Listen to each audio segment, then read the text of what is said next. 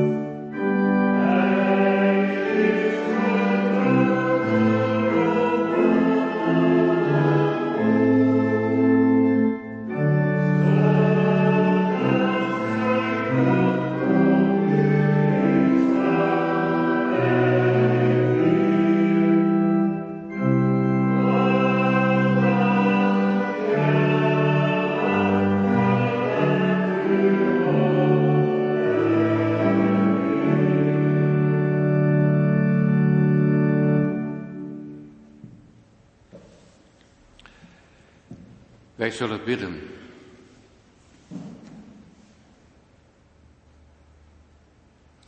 Heere onze God, wij hebben uw stem vernomen. Toen wij de lofzang van Psalm 32 zongen. Hoe u het ook tegen ons zegt. Ik raad u.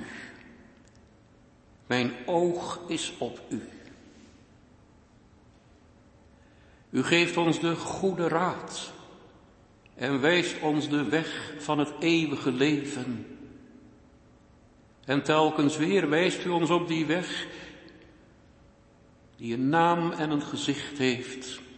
Jezus Christus, uw Zoon, die het leven is in eigen persoon. Goede raad is duur, Heer ook uw goede raad. Daaraan hangt de prijskaart van het levensoffer van uw lieve zoon. En daarom doen wij er niet gemakkelijk over als u ons weer aanspreekt met uw woord. Wij danken u dat u de God bent die liefdevol ons in de gaten houdt. Uw oog is op ons om voor ons te zorgen, ons te bevredigen. En u, U bent om ons heen op de weg naar uw koninkrijk, uw oog op ons. En uw vriendelijk aangezicht licht over ons op. Wij danken u voor die grote zekerheid en de sterke veiligheid in u, de Heer. U biedt niet alleen een schuilplaats, u bent de schuilplaats.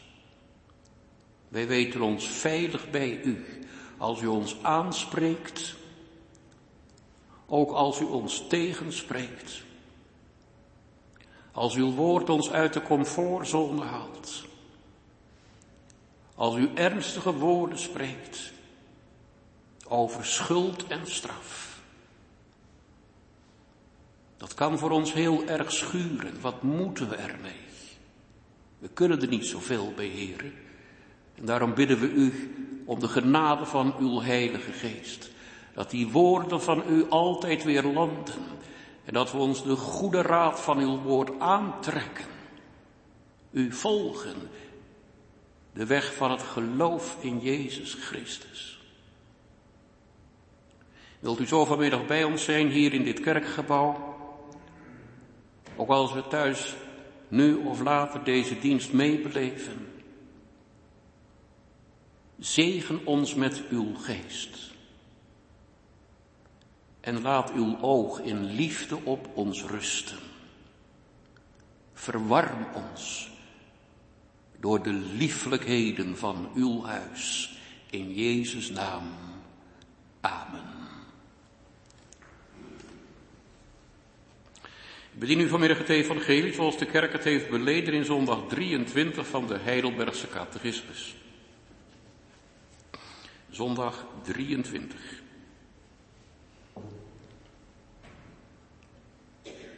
Ik lees die zondag eerst met u.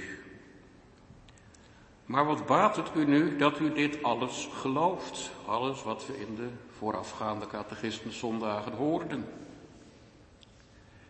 dat ik in Christus voor God rechtvaardig ben en een erfgenaam van het eeuwige leven. Hoe bent u rechtvaardig voor God? Alleen door een oprecht geloof in Jezus Christus. Al klaagt mijn geweten mij aan dat ik tegen al de geboden van God zwaar gezondigd en geen daarvan gehouden heb en nog steeds tot alle kwaad geneigd ben, toch schenkt God mij zonder enige verdienste van mijn kant, uit louter genade, de volkomen genoegdoening, gerechtigheid en heiligheid van Christus. En hij rekent mij die toe. Al zou ik nooit zonde hebben gehad of gedaan, ja, als had ik zelf al de gehoorzaamheid volbracht die Christus voor mij volbracht heeft. Voor zover ik deze weldaad met een gelovig hart aanneem. Waarom zegt u dat u alleen door het geloof rechtvaardig bent? Niet omdat ik vanwege de waarde van mijn geloof God welgevallig ben.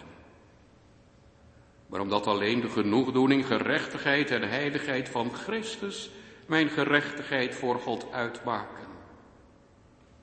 En dat ik die niet anders dan alleen door het geloof kan aannemen en mij toe-eigenen. In verband hiermee lezen wij uit het woord van de Heer 1 Petrus 1, vers 1 tot 12. 1 Petrus 1, vers 1 tot 12.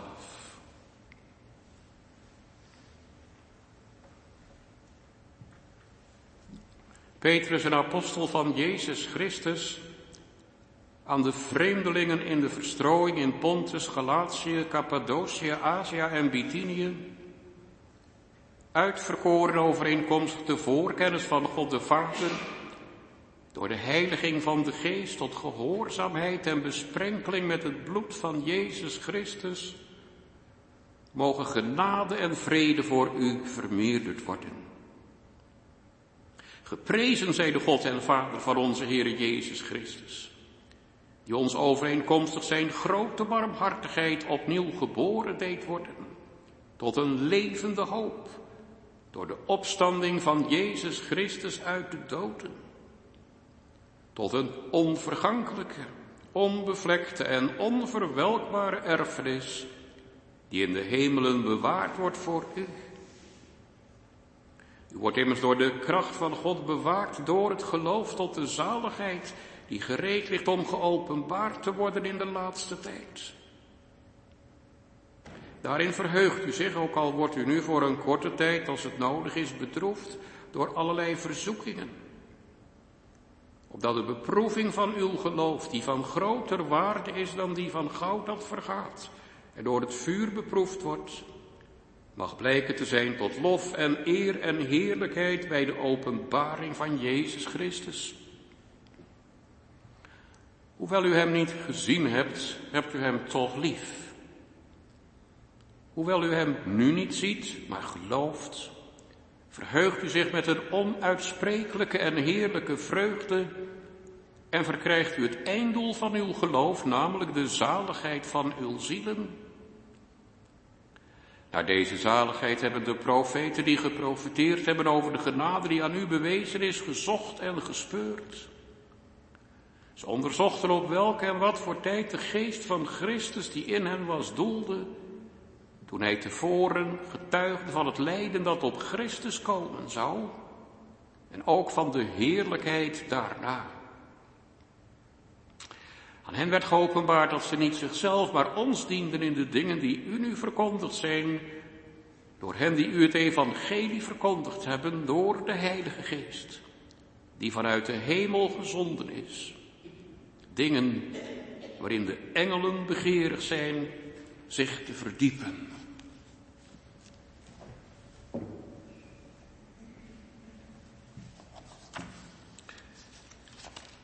Ik houd nu eerst de inleiding van de preek.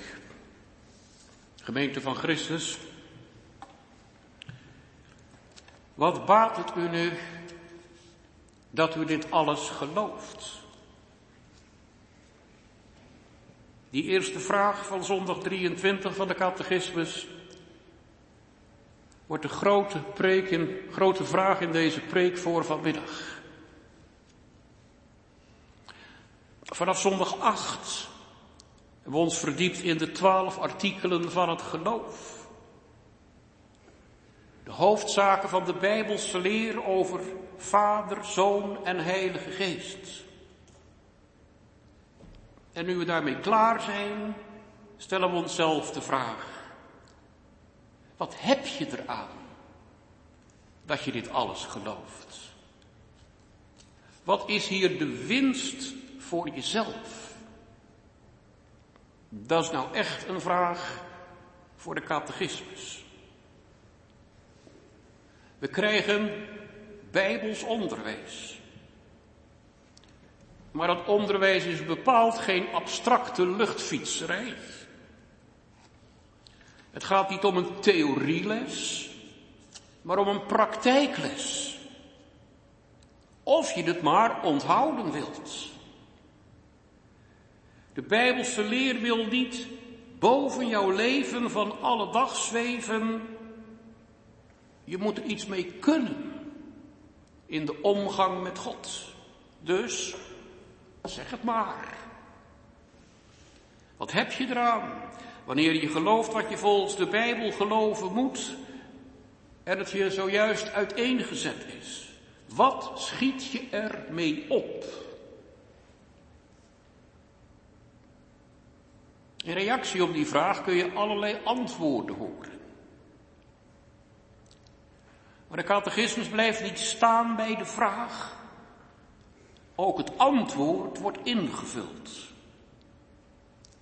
Dit is het antwoord dat je volgens de Bijbel op die vraag moet geven. Ook als het gaat om de geloofspraktijk, blijft de catechismus leerboek. Dit is het antwoord dat de God van de Bijbel van jou verwacht. Als persoonlijk geloofsantwoord. En als het bij mij anders zit, dan moet ik me meteen door dit Bijbelse antwoord laten corrigeren. Ik vat de preek als volgt voor u samen. Geloven. Waar doe je het voor? Dat is het thema. Geloven. Waar doe je het voor? Ik heb twee punten. Stel je die vraag vanuit jezelf, dan moet God zich vrij pleiten. Stel je die vraag vanuit de Bijbel, dan moet God ons vrij spreken. Maar eerst gaan we zingen. Psalm 73, vers 1, 12 en 13. Ja, waarlijk, God is Israël goed. Psalm 73, vers 1, 12 en 13.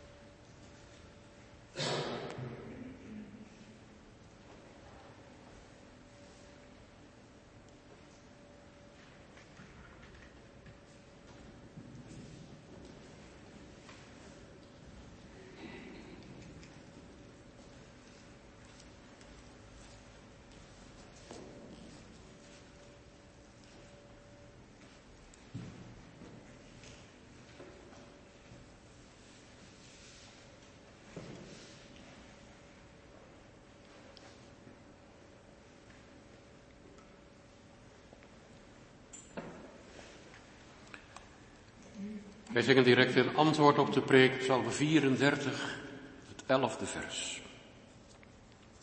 Geloven, waar doe je het voor? Stel je die vraag vanuit jezelf, dan moet God zich vrij pleiten. Stel je die vraag vanuit de Bijbel, dan moet God ons vrij spreken. Wat heb je aan je geloof? Stel ik die vraag aan mijn catechizanten, dan kreeg ik meestal zoiets als antwoord dat je iemand hebt bij wie je met alles terecht kunt. Iemand die voor je zorgt, die naar je luistert wanneer je bidt. Nou, zo hoorde ik het ook ouderen zeggen. Dominee, ik heb toch zo'n steun aan mijn geloof. Hè?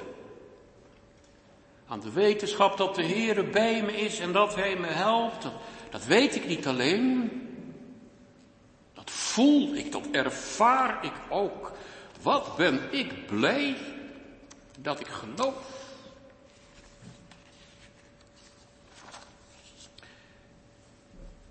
Nou, daar is natuurlijk helemaal niks mis mee op zichzelf genomen. Zo vind ik het in de Bijbel ook. O, als ik niet geloofd had de goedheid van de Heere te zien in het land van de levenden. Moet er niet aan denken dat het niet zo zou zijn. Wat heeft dat geloofsvertrouwen mij gedragen? Juister gezegd, wat heeft de God van dat geloofsvertrouwen mij gedragen? Dat geeft me ook moed voor de toekomst. Om op de Heer te wachten. Ook als dat geduld vraagt. Wachten op de Heer om in en door Hem sterk te zijn. Geloven. Wat een feest. Maar het is in de Bijbel niet het enige antwoord op de vraag. Geloven, waar doe je het voor? En het is er ook niet het eerste antwoord op. En het is goed om dat vanmiddag allereerst dat tegen elkaar te zeggen. Hardop. Dat je voor een antwoord op de vraag, wat heb je aan je geloof, niet allereerst op jezelf moet afgaan. Niet op wat jij van het geloof ervaart of er concreet voor terugziet. Want laat je het nut van geloven daardoor bepalen, dan kun je er hopeloos mee vastlopen. Ga je van jezelf uit, dan kun je diep teleurgesteld raken. Dan ga je wat anders zeggen. Geloven, ach, waar doe ik het voor? Kan er net zo goed mee stoppen. Geloven voelt niet altijd goed.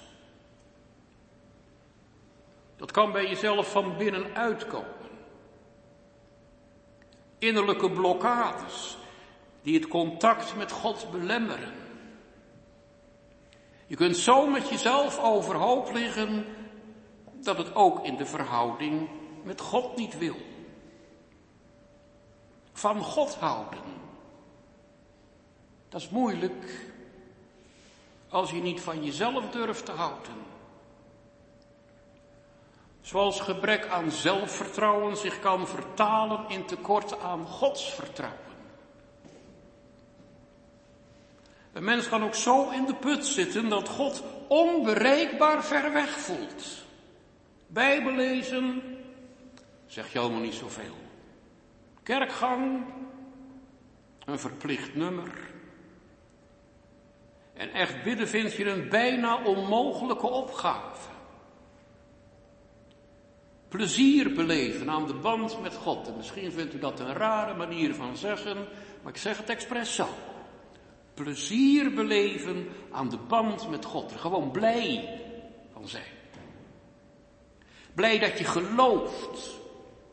Gods warmte van dichtbij voelen. Menig een kan er niet uit eigen ervaring over meepraten. Ach, wat, wat heb ik nou aan mijn geloof? Die teleurstelling kan eveneens van buiten afgevoed worden. Helemaal in een tijd waarin God buiten beeld is geraakt. En dat doet wat met je als kerkmens. Je ademt op straat God niet meer in. Bid maar veel voor kerkjeugd. Die in dat klimaat opgroeit en daar geen feeling voor God meer krijgt. En de kritische vragen stapelen zich op. De God van de Bijbel is een God van liefde, zegt hij. Waarom laat hij dan zulke verschrikkelijke dingen in de wereld toe? Nou, dan kunt u het hele rijtje zo invullen. Waarom oorlogen, natuurrampen, aardbevingen, gruwelijke ongelukken? Waarom kan de dood zo gruwelijk huishouden op aarde?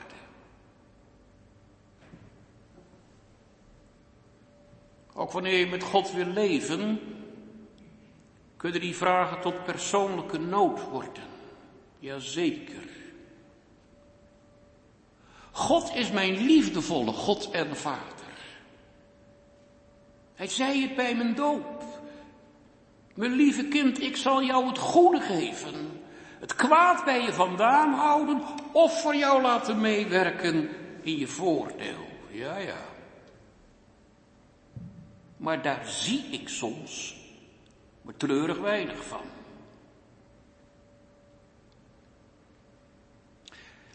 Wat heb ik als gelovige op de ongelovigen voor?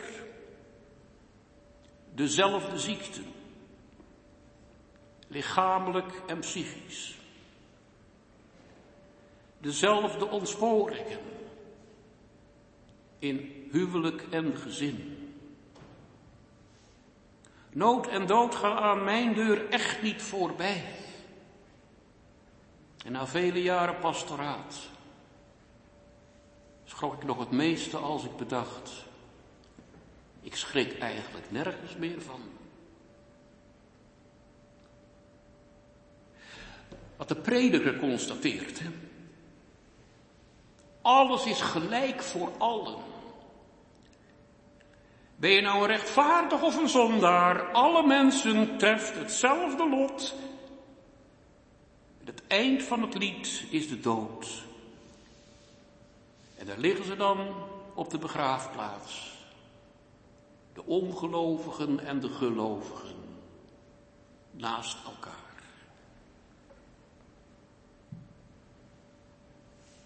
Dan melden zich de waaroms. Waarom overkomt mij al deze narigheid? Waarom moet ik mijn man, mijn vrouw nu al missen? Terwijl wij toch zo goed met elkaar hadden. Waarom krijgen wij geen kinderen? Terwijl anderen abortus laten plegen. Waarom bid ik mijn knieën blauw? Terwijl ik maar geen verandering zie. En dan kan er in de Bijbel staan, dan kan bij de doop gezegd zijn dat het allemaal in mijn voordeel is. Maar dat valt niet altijd in te zien.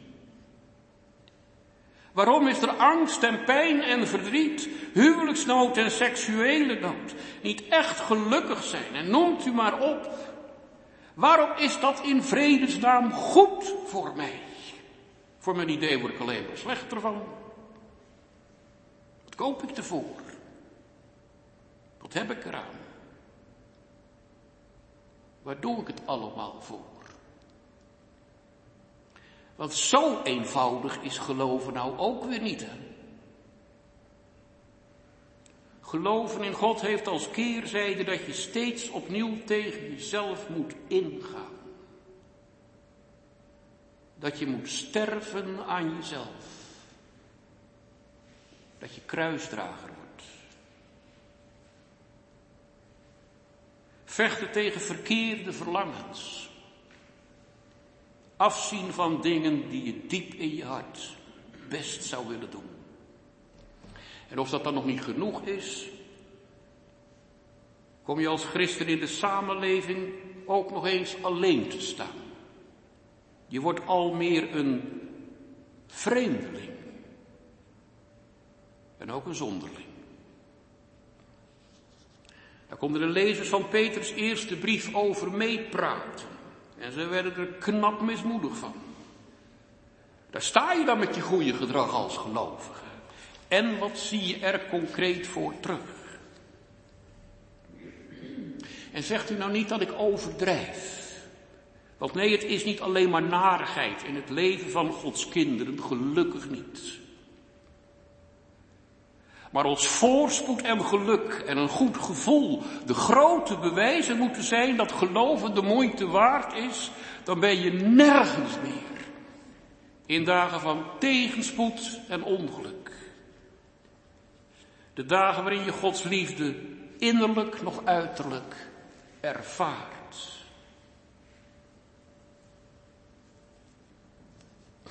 Geloven, waar doe je het voor? Beantwoord je die vraag vanuit jezelf, vanuit jouw omstandigheden en ervaringen, dan wordt die vraag als het tegenzit maar zo tot een verwijt aan het adres van God. Een aanklacht waarbij je God ter verantwoording roept. Laat God zichzelf maar eens verdedigen en vrijpleiten. Vertellen hoe mijn tegenspoed met zijn liefde te rijpen is.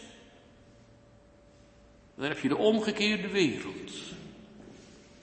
God in de beklaagde bank. En de mens op de rechterstoel.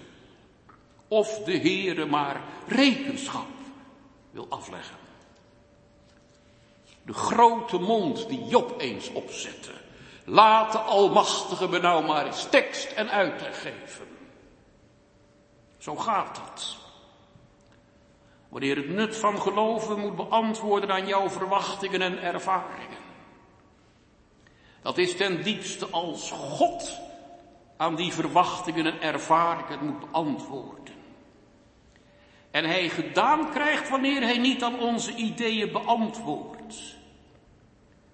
Ga je God op mensenmaat snijden, dan knap je zomaar op God af. Geloven, waar doe ik het voor? Als ik er niets bij voel en nauwelijks iets concreets voor terugzie, dan bekijkt de Heer het maar. Dat gevaar dreigt levensgroot.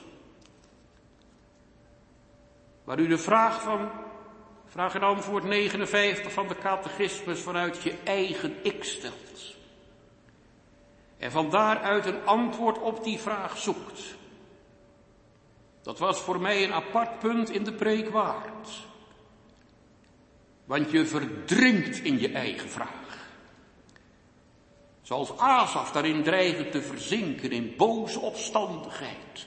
God vertrouwen, God dienen, zinloos. En mag ik u en jou en ook mijzelf hier dan ernstig waarschuwen. Om als het gaat over het nut van geloven, het startpunt en de maatstaf niet bij jezelf te leggen. Niet bij wat jij van God ervaart of krijgt. En ik zeg dat niet om verwijtend te maken. En als het verwijtend klinkt, dan ook voor mijzelf. Hè? Maar ik zeg het om voor wanhoop te bewaren. Wanhoop omdat God voor je besef zo vreselijk teleurstelt. Daar zijn mensen in verdronken, weet u dat? Het is de grootste vergissing die je maken kunt.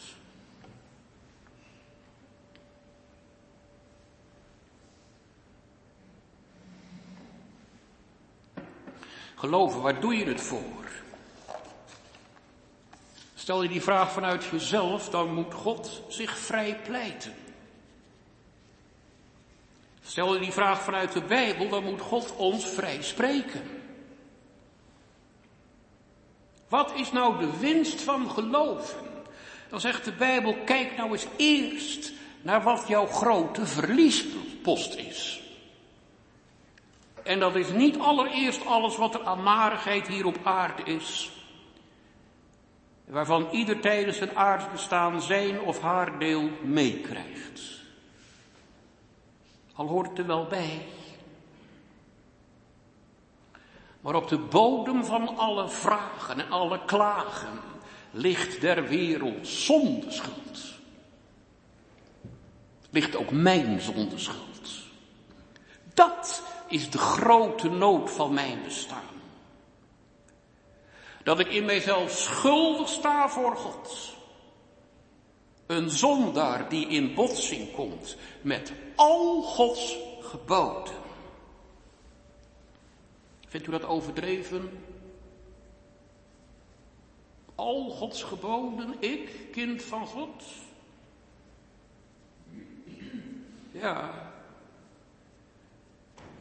Zo radicaal gaat het toe in het koninkrijk van God. Schiet ik in één opzicht tekort tegenover Gods wet, dan heb ik daarmee de hele wet overtreden. Want ik kom in elk gebod dezelfde God tegen. En die in elk gebod hetzelfde vraagt. Mijn zoon, mijn dochter, geef me je hart, geef me jezelf helemaal.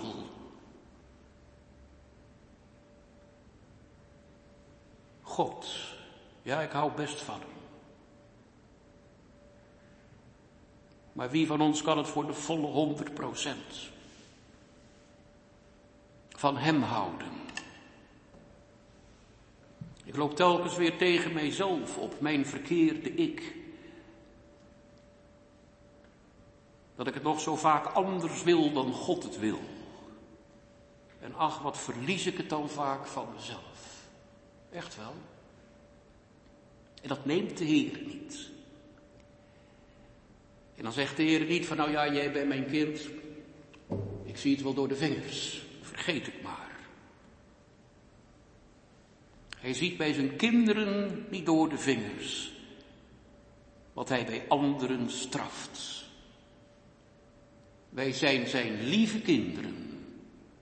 Denk aan uw doop. Maar hij houdt er geen lievelingetjes op na. Ik sta in de beklaagde bank. En ik ken het vonnis bij voorbaat, dat rechtvaardig vonnis schuldig. Des doods schuldig. Dus buig ik mijn hoofd. Doet u dat ook maar. Heer, ga toch niet met mij in het gericht. Dat wordt hem niet. Dat komt niet goed. Ja, toch. Het komt toch goed. Jezus heeft mijn schuld overgenomen en betaald op Golgotha. Daarvan is Pasen het bewijs. En wat Jezus voor mij gedaan heeft, komt God me geven in de belofte van het evangelie. En hij houdt ook vanmiddag weer uitdeling mensen. Hij laat de belofte u weer verkondigen. Alsjeblieft, voor jou de voldoening, gerechtigheid en heiligheid van Christus. Die mag je zomaar aanpakken. En die moet je ook aanpakken. Dat is nou geloven, mensen. Geloven gaat boven voelen en ervaren uit. Geloven is de belofte van het evangelie naar je toe halen is erop vertrouwen dat God om Jezus wil je zonden vergeeft. Misschien voel je die niet altijd zo. En soms zijn er zonden die zo hardnekkig in je leven zijn dat je jezelf niet eens durft te vergeven. En toch, je weet dat het zo is. Omdat God het gezegd heeft. Dat staat als een huis. Ik kan aan mezelf twijfelen. Maar aan God hoef ik niet te twijfelen. Hij staat voor zijn woord. Daar geloof ik nou voor.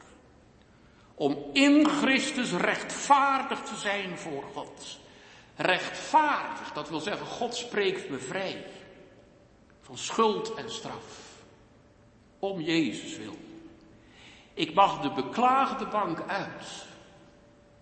En ik krijg de doodstraf niet, omdat Jezus die in mijn plaats ondergaan heeft. Nu ben ik een erfgenaam van het eeuwige leven. God heeft boven een machtige erfenis voor mij in petto. Het volmaakte koninkrijk. Die erfenis is veilig bij God. Een onvergankelijke, ongerepte erfenis die nooit verwelkt, om het met Petrus te zeggen. De eeuwige heerlijkheid ligt boven voor mij klaar, omdat het goed is tussen God en mij. Geloven, waar doe je het voor? Om in Christus rechtvaardig te zijn voor God, vrij van schuld en straf, en daarom erfgenaam van het eeuwige leven.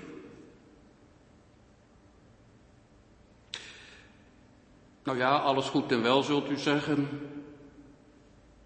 Mooi hoor, die erfenis boven. Maar wat koop ik er vandaag voor? Ja, die, die, die, die erfenis ligt klaar om geopenbaard te worden. De onthulling staat voor de deur. Maar zolang dat nog niet het geval is, kun je als kind van God hier op aarde toch maar knap in de ellende zitten, toch? Wat heb ik nou aan dat rechtvaardig zijn door het geloof hier en nu? En dan worden wij door de Bijbel opnieuw naar Gods beloftewoord verwezen. Dat Hij zijn kinderen nooit of te nimmer loslaat. En nee, dat voel je niet altijd. Dat lees je ook niet altijd uit de feiten af. En toch mag je er zeker van zijn. Om en met Christus ben ik op weg naar de grote erfenis. Op weg daarheen lig ik, hoe dan ook, voor rekening van God. En dat wil niet zeggen dat God mij alle moeite bespaart. Zult u dat goed in uw oren knopen? Dat staat nergens in de Bijbel. Ik kan het innerlijk en uiterlijk verschrikkelijk moeilijk hebben. Het evangelie is geen welvaartsevangelie. Met een bijbehorend feel-good geloof. Laat dat soort beweringen maar aan dwaalgeesten over als televisiedominees in Amerika.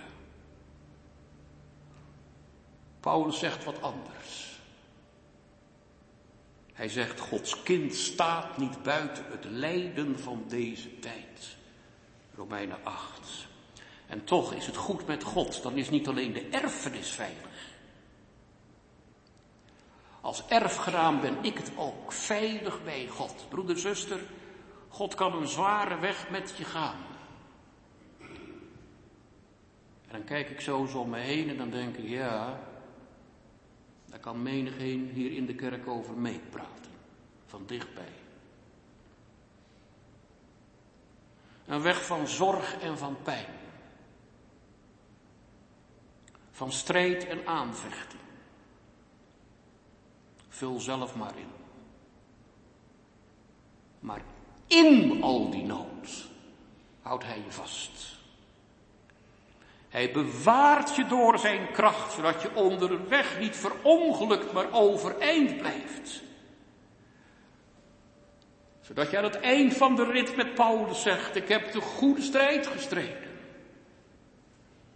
Ik heb mijn loop ten einde gebracht. Nee, het viel me allemaal niet mee. Ik heb onderweg de nodige kleerscheuren opgelopen. Ik ben ook het een en ander aan illusies kwijtgeraakt.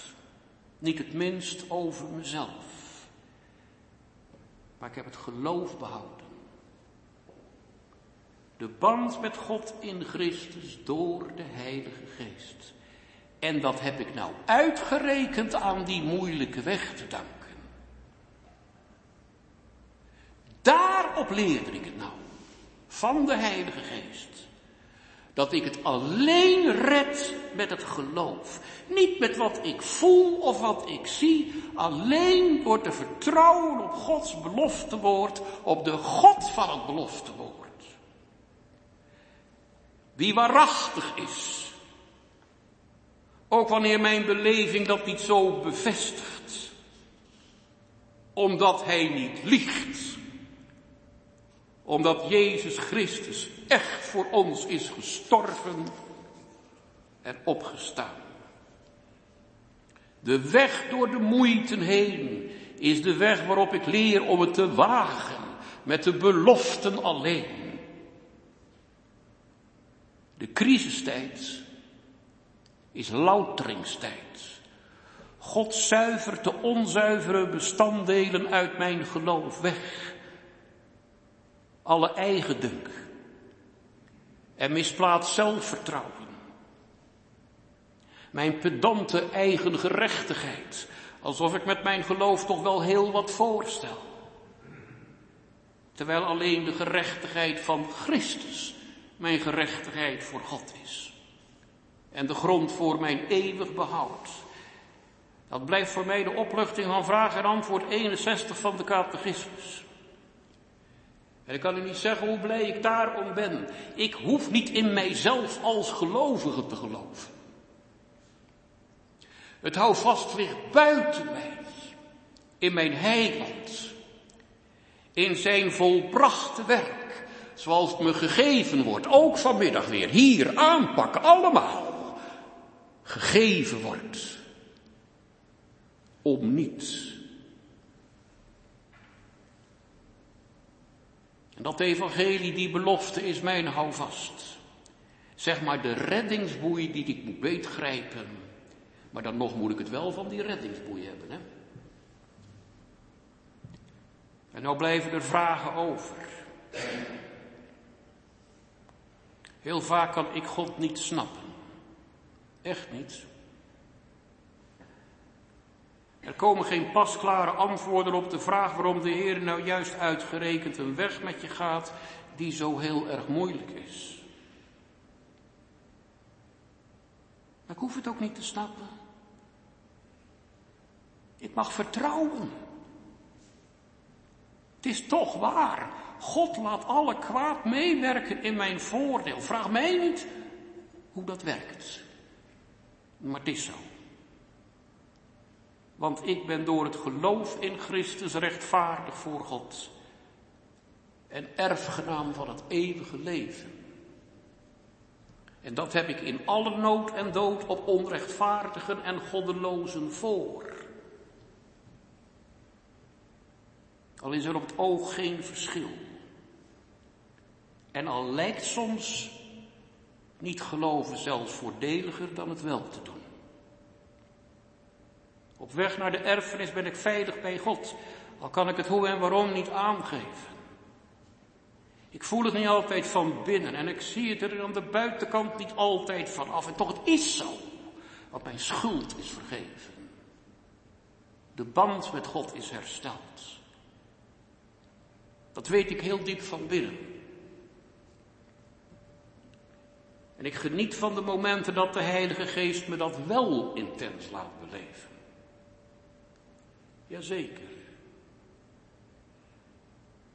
Geloven schakelt je gevoel niet uit. God laat het soms machtig in je gevoel doorwerken.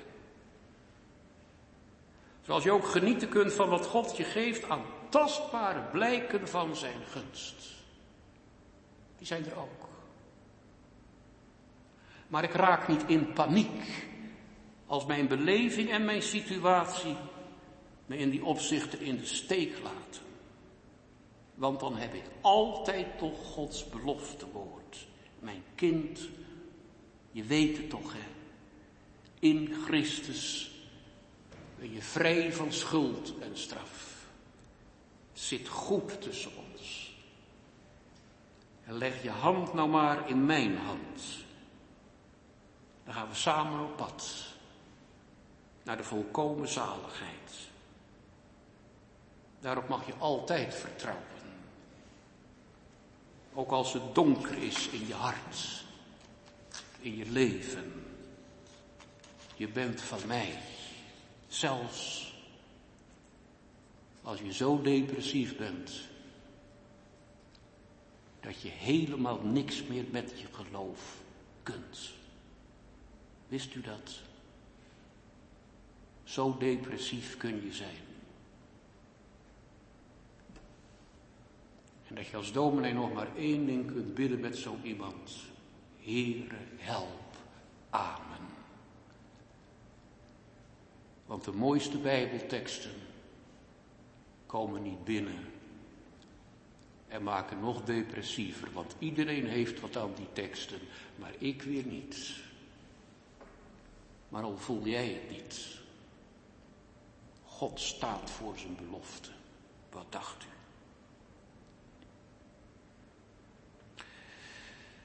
En als u die route volgt, doet u toch, dan groeit in je al schommelt ook dat. Ja, dat gaat heen en weer. De eigensoortige blijdschap van het geloof. En daar wil ik graag mee eindigen, met dat punt van de blijdschap. Wat Petrus noemt een onuitsprekelijke hemelse vreugde. Weet u dat dat kan op aarde? Hemels blij zijn. Je weet door dik en dun, ik bereik het einddoel van het geloof. Onze redding. Want het schuldbeslag is van mijn leven af. Ik adem op. Ik adem in de ruimte van Gods genade. Eer zij God. De grootste nood is uit mijn bestaan weg. Ik ben rechtvaardig voor God. En straks, straks moet ik verschijnen voor de rechterstoel van Christus. En dan wordt het me hardop bevestigd. Het vrijsprekend evangelie van vandaag. De dag waarop de grote erfenis wordt uitgekeerd aan al Gods kinderen. Nee, ik zal God niet op het matje roepen. Ik kijk vanuit. Hij hoeft mij geen verantwoording af te leggen. Hij hoeft zich voor mij niet vrij te pleiten, als hij mij maar vrij spreekt.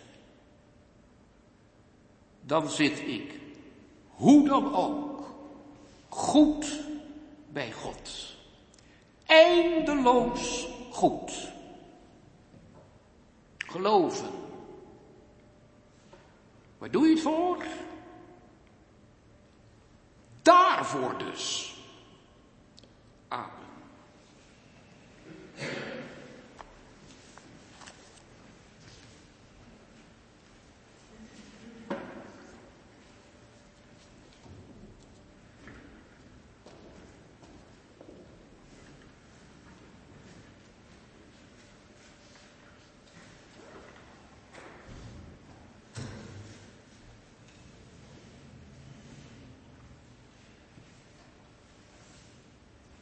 Ga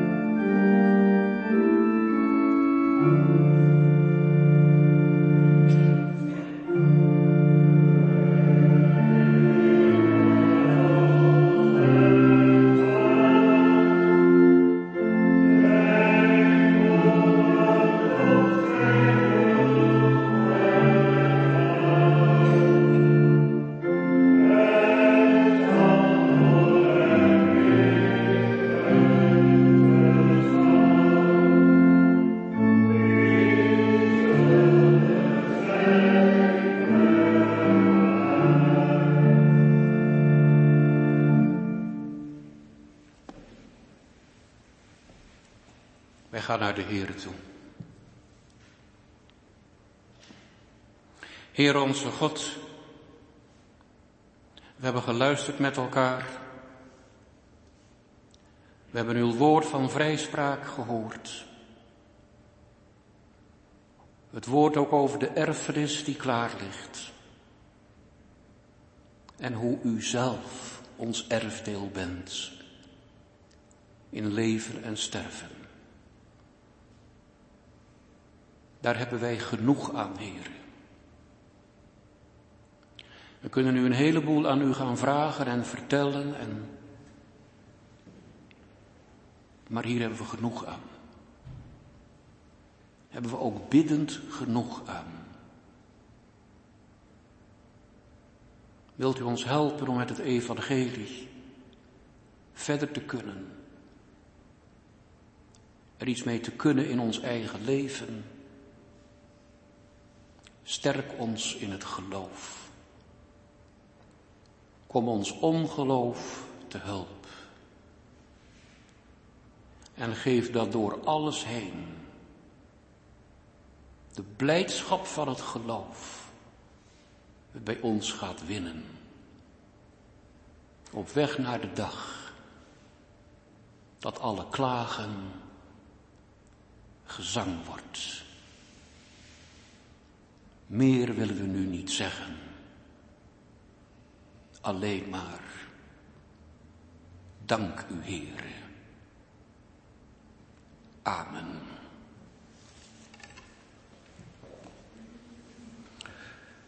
Onze slotzang is Psalm 103, vers 2 en 6.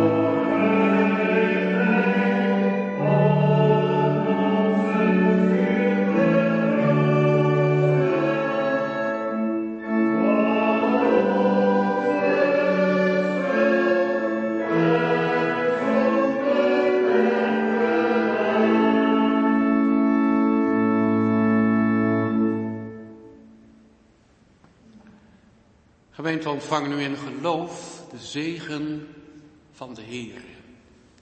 De genade van de Heere Jezus Christus. En de liefde van God. En de gemeenschap van de Heilige Geest. Zij met u allen.